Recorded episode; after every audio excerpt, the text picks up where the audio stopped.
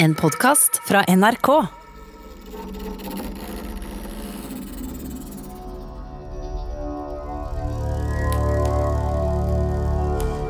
Året er 1030, og stedet er England.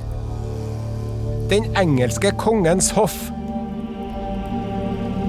Omgitt av adelsmenn og prester og biskoper og munnskjenker og tjenere sitter kongen på den flott utskårne tronstolen sin. Han har en stilig purpurrød kappe og en gyllen krone på hodet. Det er luksus, velstand og overflod overalt. Og det skulle bare mangle, for det her er Nord-Europas mektigste mann.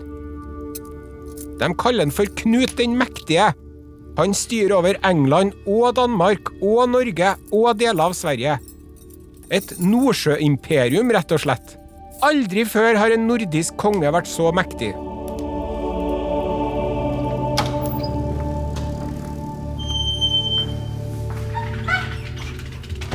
Framfor kongen trer det da en trønder. Jepp, en storbonde fra Skaun som heter Einar. Og han Einar, han hilser blidt og familiært på kongen. Hallaisen, Knut. Takk for sist. Jeg er kommet for å bli jarl over hele Norge, sånn som du lovte meg, Knut. Nå er det min tur. Men kong Knut den mektige, han ser litt skeivt på han Einar, og så sier han eh Nei.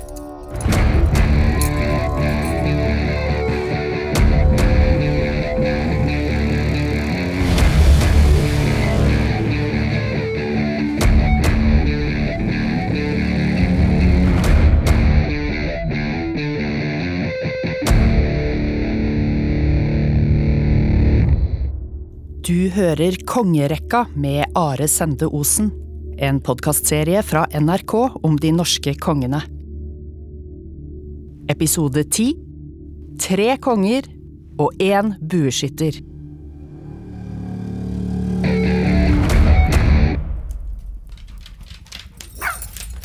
Han mannen som står foran kongen av England og vil ha makta over hele Norge, det er en Einar Tambarskjelvet.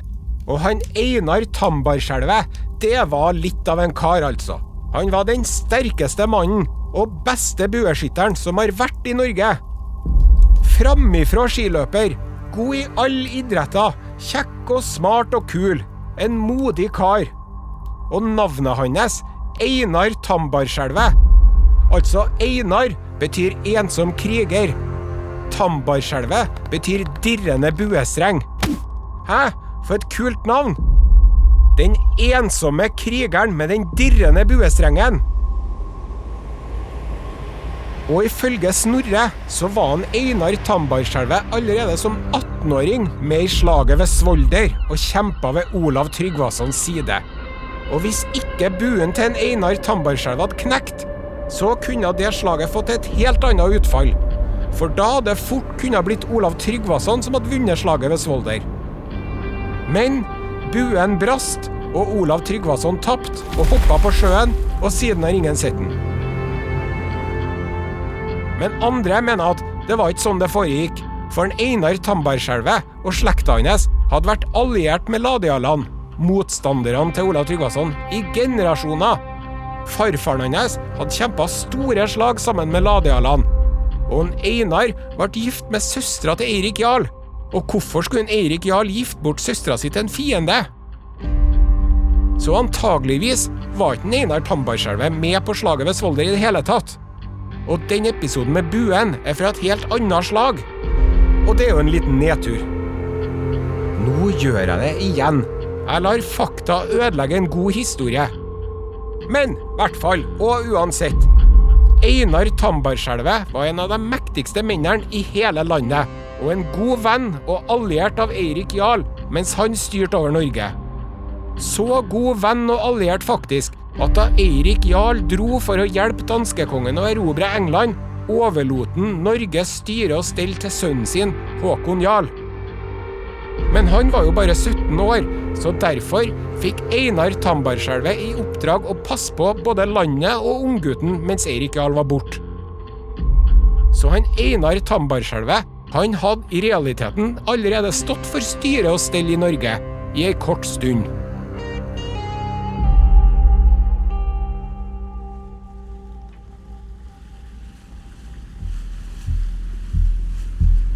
Men så kom Olav den hellige seilende inn fjorden, eller Olav Digre som de kalte han mens han var i live. Olav Digre jaga bort den unge Håkon Jarl fordi han ville bli konge sjøl. Og sjøl om en Einar Tambarskjelvet kjempa imot og gjorde så godt han kunne, så vant Olav den hellige makta, og Einar måtte skygge banen. Men etter noen år i utlendighet kom Einar Tambarskjelvet tilbake og ble forlikt med kong Olav, faktisk. De skifta jo side rett som det var, mektige menn på den tida der. Og igjen ble Einar Tambarskjelvet en av Norges mektigste menn. Men det var en skjør allianse mellom de to, kong Olav den hellige og Einar Tambarskjelvet. For Einar var jo egentlig fortsatt på lag med Ladialan. Etter at Olav den hellige hadde vært konge noen år, dro han Einar Tambarskjelvet på pilegrimsferd til Roma. Men antageligvis var hele romaturen bare et påskudd, for på veien dro han Einar innom England og besøkte kong Knut den mektige, som mente at Norge egentlig tilhørte seg, altså Knut. Og Einar Tambarskjelvet fikk masse gaver av kong Knut, sikkert noen gullringer og masse dyre greier. Hvordan hadde det seg at kong Knut den mektige, Nord-Europas mektigste mann, og Einar, storbonden fra Trøndelag, var så gode busser? Jo, kong Knut og Einar de var ikke i slekt, men de var det nesten. Kong Knut var broren til enka etter mannen som var broren til kona til Einar. Kompliserte greier. De hadde i hvert fall vært i mange familieselskaper sammen, Einar og kong Knut. Begge to var onkelen til unge Håkon Jarl. Der! Hvorfor sa ikke jeg det med en gang? Og da var det at kong Knut den mektige lovte Einar Tambarskjelvet at hvis, Gud forby, noe skulle skje med den unge Håkon Jarl, da skulle Einar få styringa over Norge. Men alt dette var jo veldig hypotetisk, sant? For Håkon Jarl er jo en ung mann som lever i beste velgående, og Olav den hellige er jo konge i Norge. Men så går det noen år, og så får kong Knut jaga Olav den hellige ut av Norge. For Olav vil ikke anerkjenne Knut den mektige som overkonge. Og Olav sitter i Russland og sturer og depper og spikker pinner. Enda det er søndag og har det skikkelig kjipt. Og da blir unge Håkon Ladeal konge av Norge. På ordentlig. Og Einar Tambarskjelvet er tilbake som Håkons høyre hånd og nærmeste rådgiver. Men herre er ikke en Disney-film. Håkon Jarl drukner. Han rekker ikke å være konge et år heller.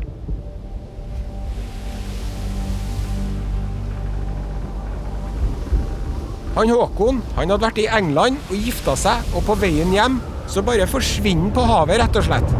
Borte vekk.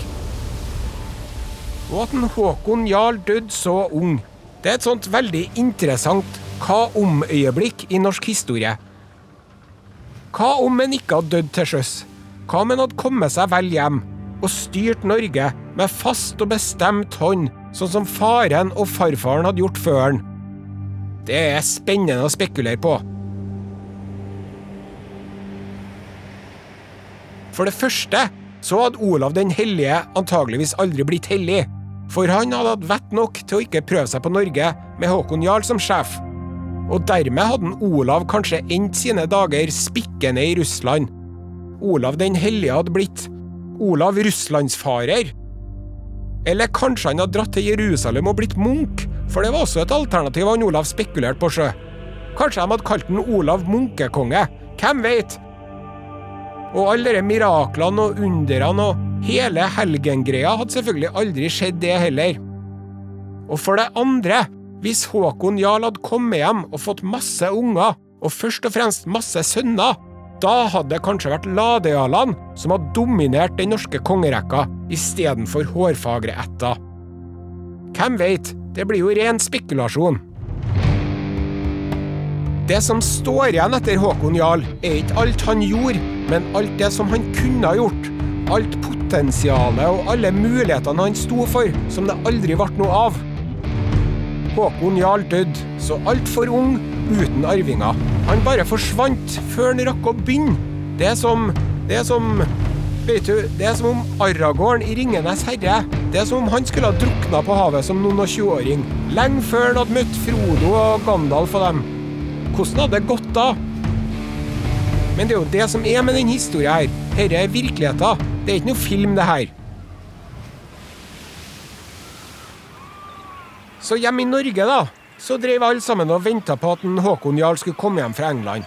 Og de venta og venta og de venta og venta og venta og venta. Og sendte ut sendebud til alle himmelretningene for å høre om noen hadde sett den. Men til slutt så tenkte de at nei, han er vel død. Og da det ble kjent, så syntes alle sammen at det her var en tragedie. Å nei, hvor trist. Hva skal vi gjøre nå? Men så var det én som ikke syntes det var så trist, og det var onkelen, læremesteren og mentoren Einar Tambarskjelvet. Altså, han gjorde jo det. Han syntes jo det var trist at Håkon Jarl var død. Han hadde jo vært glad i den unge mannen.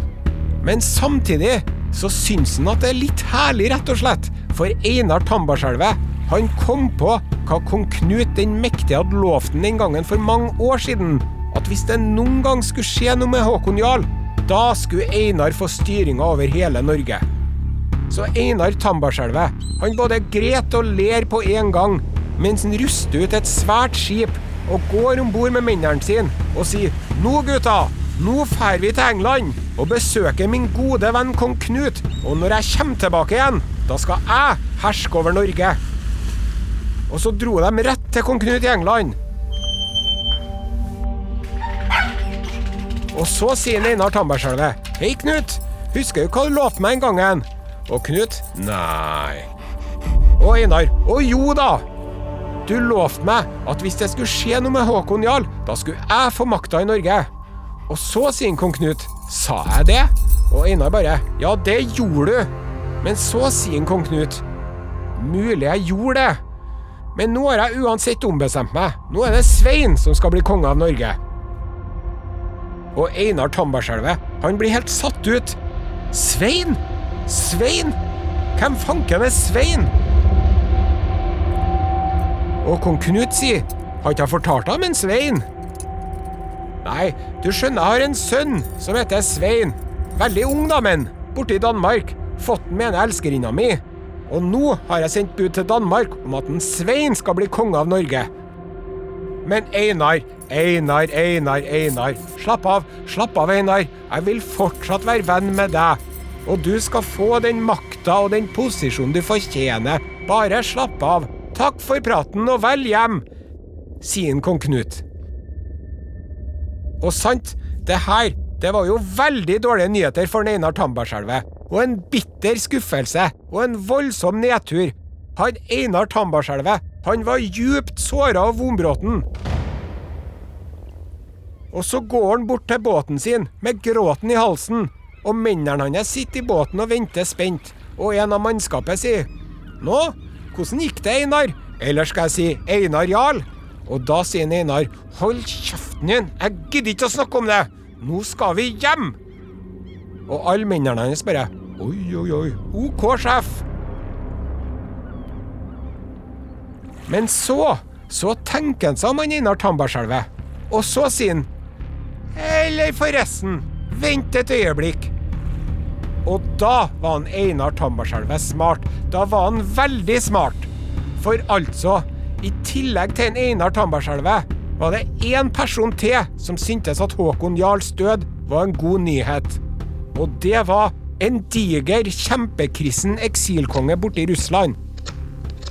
Ja, nettopp. Olav den hellige. Og da Olav fikk høre at Håkon var død, så tenkte han, ganske riktig, at yes, nå har jeg sjansen. Så han la på vei mot Norge for å vinne tilbake kongeriket han mente var sitt. Og dere der, det skjønte Einar Tambarskjelvet at kom til å skje idet han skulle til å gå om bord i båten og dra rett hjem til Norge. Så han Einar sa til seg sjøl Nå kommer en Olav Digre til Norge med en stor hær. Det er garantert.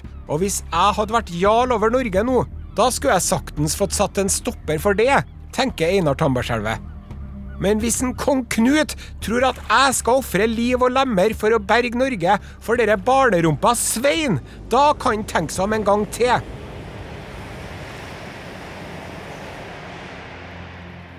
Og dermed var det plutselig ikke noe bråhast for Einar Tambarskjelv å komme seg hjem. Så han bare kula nedi England, han. Og så kunne jeg bare slåss seg ferdig i Norge, uten hans deltakelse og hjelp, noen av dem, hvis det skulle være på den måten. Så han Einar Tambarskjelvet han tok det pent og rolig på veien hjem, og kom ikke tilbake til Norge før det allerede hadde hendt det meste av det som foregikk den sommeren. Og det som foregikk den sommeren, ikke spoiler alert, er jo at digre Olav, Olav den hellige, blir drept av bondehæren på Stiklestad. Og da er det jo ikke noe mer å diskutere. Norges konge er kong Knut. Knut den mektige. Og når det gjelder Knut den mektige, så er det tre ting du bør vite. Det første det er at han var mektig. Kjempemektig. Konge over England og Danmark og Norge. Det andre du bør vite om en kong Knut, det er historia med kong Knut og tidevannet. Han Knut han tok en dag med seg tronstolen sin og satte den på stranda og satte seg oppi den og kommanderte bølgene til å stoppe og ikke å bløyte ut fotene og sjalet hans. Men tidevannet hørte jo ikke etter, så han ble jo bløt på tærne. Og herre er blitt tolka som at han kong Knut han var bra dum som trodde at han kunne stoppe tidevannet. Stormannsgal. For et ego, liksom. Men egentlig så viser den fortellinga her det motsatte. Ikke at han var dum, men at han var ganske smart, og at hele poenget var å vise at det er grenser for kongers makt, samme hvor mektige de er. Det tredje du bør vite om en kong Knut den mektige, er at det var best å ikke spille sjakk mot den. Og om du gjorde det, da var det best å la han Knut vinne. For han kong Knut, en gang han spilte sjakk med en jarl, så gjorde han Knut et trekk så dårlig at jarlen tok hesten hans. Og da sa kong Knut, dette trekket skal du gjøre om. Og så satte han hesten tilbake på brettet. Og så sa jarlen, det skal jeg ikke. Og så begynte de å krangle, og enden på den krangelen var at en Knut fikk en av mennene sine til å drepe jarlen i kirka i Roskilde. Så, ja. Smart og mektig og dårlig taper, for å oppsummere. Og tilhenger av uttrykket 'det er makta som rår'. Og det kan man jo godt være når man har tilnavnet 'den mektige' sjøl. Og ikke så veldig nøye på å følge reglene alltid. En litt lemfeldig omgang med sannheten. Et eksempel på det, i tillegg til juksing i sjakk, var at Knut hadde jo lovt bort styring av Norge til flere enn bare Einar Tambarskjelvet. Det var en stormann til som het Kalv Arneson. Og han Kalv han hadde òg vært på besøk til en kong Knut i England. Og han hadde fått gode gaver og fagre løfter om at ja da, du skal få bli jarl over hele Norge. Og Kalv han var med på slaget ved Stiklestad, og det er noen som mener at han var den som leverte det siste avgjørende øksehugget som faktisk drepte Olav den hellige, sjøl om en kalv sjøl nekta for det etterpå. Men uansett, nå hadde altså Knut bestemt at det var sønnen Svein som skulle være konge i Norge, og da ble det sånn, for han kong Knut, som du skjønner, var vant til å få viljen sin.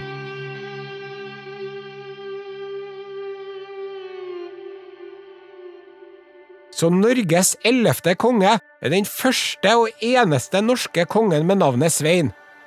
Og det er ikke uten grunn, for han Svein, han var en dust og en idiot og en umoden fjomp og usjølstendig type. Et barn i både alder og forstand, står det i sagaen. En mammadalt, ja, mammadalt. For han Svein, han kom ikke alene.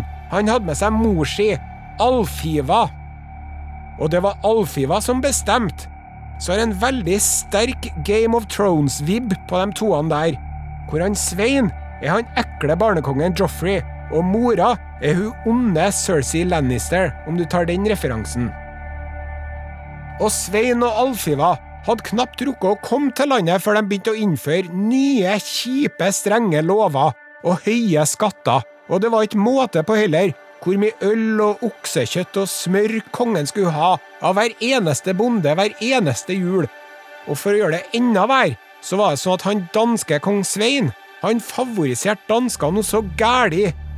Én dansk manns vitnesbyrd var like mye verdt som vitnesbyrdene til ti nordmenn.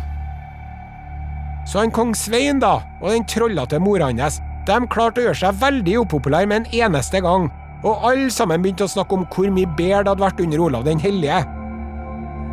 Og det hadde jo egentlig ikke vært så mye bedre, men du vet hvordan det er. Det virka som om det hadde vært så mye bedre under kong Olav nå. Og i Trondheimen, der er Einar Tambarskjelvet tilbake fra England, og han har store eiendommer der. Det er nesten som et jarlerike, skriver Snorre. Men nesten river ingen mann av hesten. Og en Einar Tambarskjelvet har ikke glemt at kong Knut brøyt løftet om å gjøre han til jarl, og innsatte denne idiotsønnen sin i stedet. Så da Einar hører at folk begynner å snakke om at Olav den hellige er nettopp det, hellig, og at det skjer mirakler i forbindelse med han, da tenker en Einar Tambarskjelvet som så at ja, det kan godt hende, du. Jeg lurer på det. Om han Olav ikke er hellig, jeg. Ja, det tror jeg faktisk. Det her er utrolig kløktig og smart av en Einar Tambarskjelvet. Merkevarebygging og posisjonering i verdensklasse. Han Einar Tambarskjelvet er jo den viktigste mannen i Norge som ikke har Olav den helliges blod på hendene. For han Einar Tambarskjelvet hadde jo sittet og kula i England da alle de andre tok livet av helgenkongen. Sjøl om han hadde vært en bitter fiende og uvenn av Olav den hellige, og sikkert godt kunne ha tenkt seg å satt en pil i øyet hans, så driver Einar nå og gjør et stort nummer ut av at jeg hadde ikke noen ting å gjøre med drapet på han Olav, og Olav den hellige, han er hellig, ja. Ja, det er han. Han er hellig, han. Og det var mye bedre før. Og han Einar, han har jo et poeng, for nå er vi på et lavmål. Det har ikke vært så galt siden Harald Hårfagre samla landet. I over 150 år har Norge vært ett rike. Men nå er det ikke bra, altså. Hårfagretter er slutt. Ladealetter er slutt. Folket har det helt forferdelig. Norge styres av en dansk tomsing og hans onde mor. Hva er det som skjer? Er det slutten på det norske riket? Nei, det er det ikke. For nå er det at en Einar Tambarskjelvet får nok. Nå er en Einar Tambarskjelvet så lei av denne danske tomsingkongen og vannstyret deres og sin egen forbigåelse at en Einar Tambarskjelvet slår i bordet. Herre gidder jeg ikke noe mer, sier Einar Tambarskjelvet. Og så tar han med seg Karl Varneson, og så setter de seil, og så drar de mot Russland. For de vet at i Russland, der har Olav den hellige en sønn og arving, Magnus. Og nå vil en Einar Tambarskjelvet hente Magnus, ta han med seg tilbake til Norge og gjøre Magnus til konge over Norge. Einar Tambarskjelvet skal redde Norges skjebne og framtid. Men hvis du tror at en Einar gjør det her fordi han er så forbaska grei og skal bli hele Norges helt uten å få igjen noe for det sjøl, så stemmer ikke det. I virkeligheten er det fordi han vil utnytte arvingen Magnus til sin egen fordel. For det her er altså ikke en Disney-film.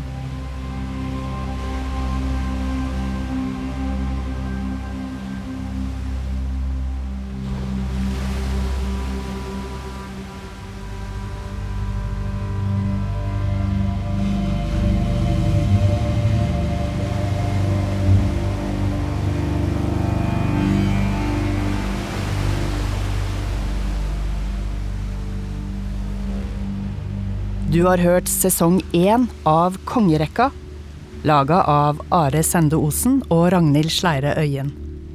Historisk konsulent er Randi Bjørsol Verdal, og musikken er av SyncPoint. Hør flere podkaster og din favorittkanal i appen NRK Radio.